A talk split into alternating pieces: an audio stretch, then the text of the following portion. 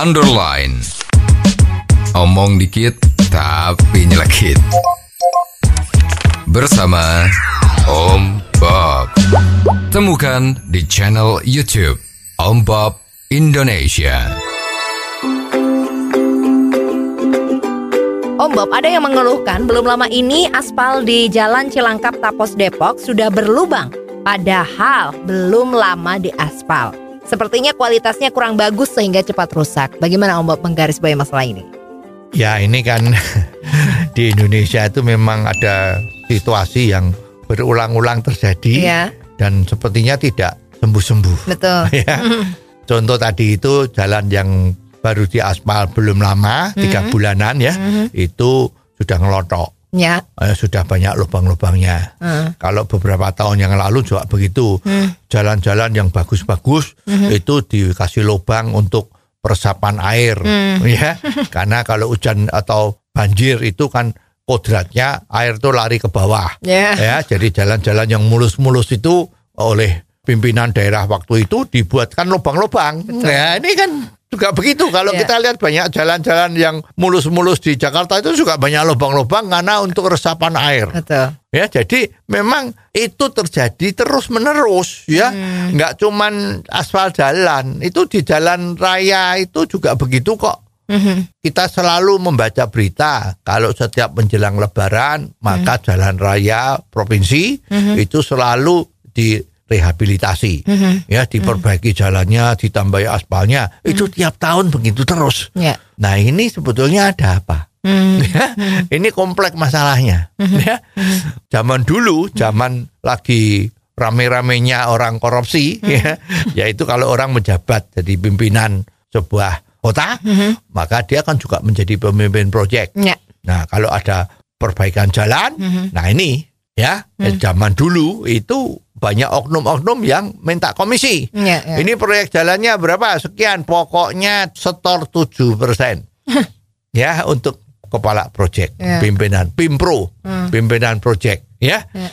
Nah itu, terus setelah itu hasil dari pekerjaan itu kan juga lelang. Ya. Lelang itu kan harga. Hmm. Ya, harganya sudah dipilih yang murah karena pimpinan proyeknya juga nggak berani. Hmm. Kalau yang dimenangkan yang mahal, Hmm. nanti dianggap ada apa-apa. Walaupun memang ada apa-apa ya, si oknum-oknum tadi itu ya. Ya.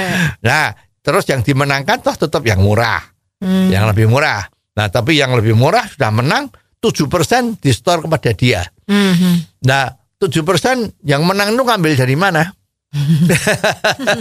Apa ada uang dari langit? ya.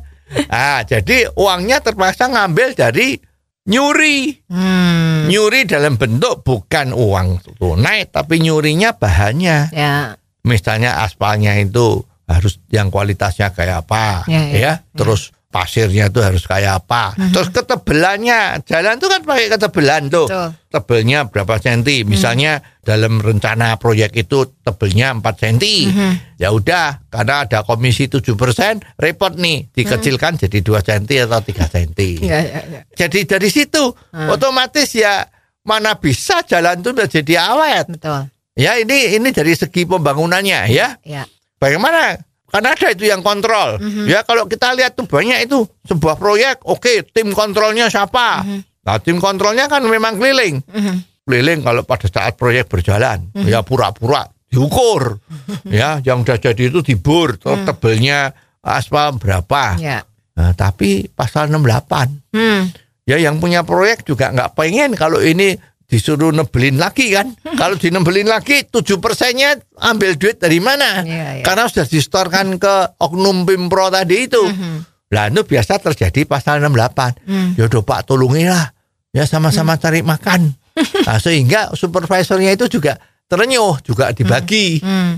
Ya jadi dianggap udah oke. Iya. Nah sekarang pimpronya dapat laporan dari orang-orang yang juga sudah dapat data Mhm. Dari atas sampai bawah semua oke oke oke oke yang menderita rakyat. Ya. karena tidak oke barangnya.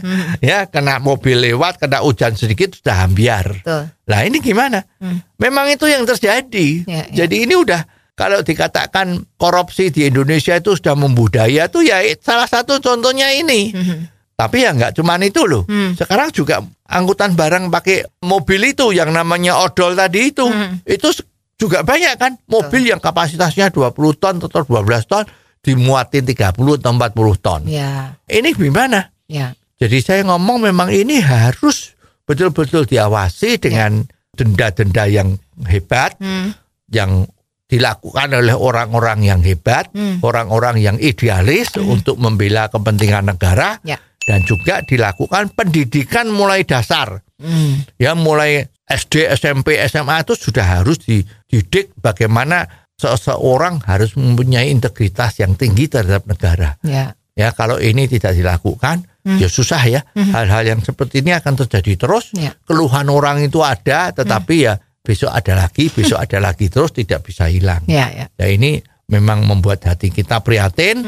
Apakah cara-cara kita sudah betul untuk menuju Indonesia emas nanti pada tahun 2045? Oh, jadi begitu ya Om Bob. Jelas deh sekarang. Terima kasih Om Bob untuk waktunya. Sampai ketemu lagi di waktu yang akan datang. Underline. Omong dikit tapi nyelekit. Bersama Om Bob. Jika Anda suka dengan channel ini, jangan lupa subscribe, like, dan komen.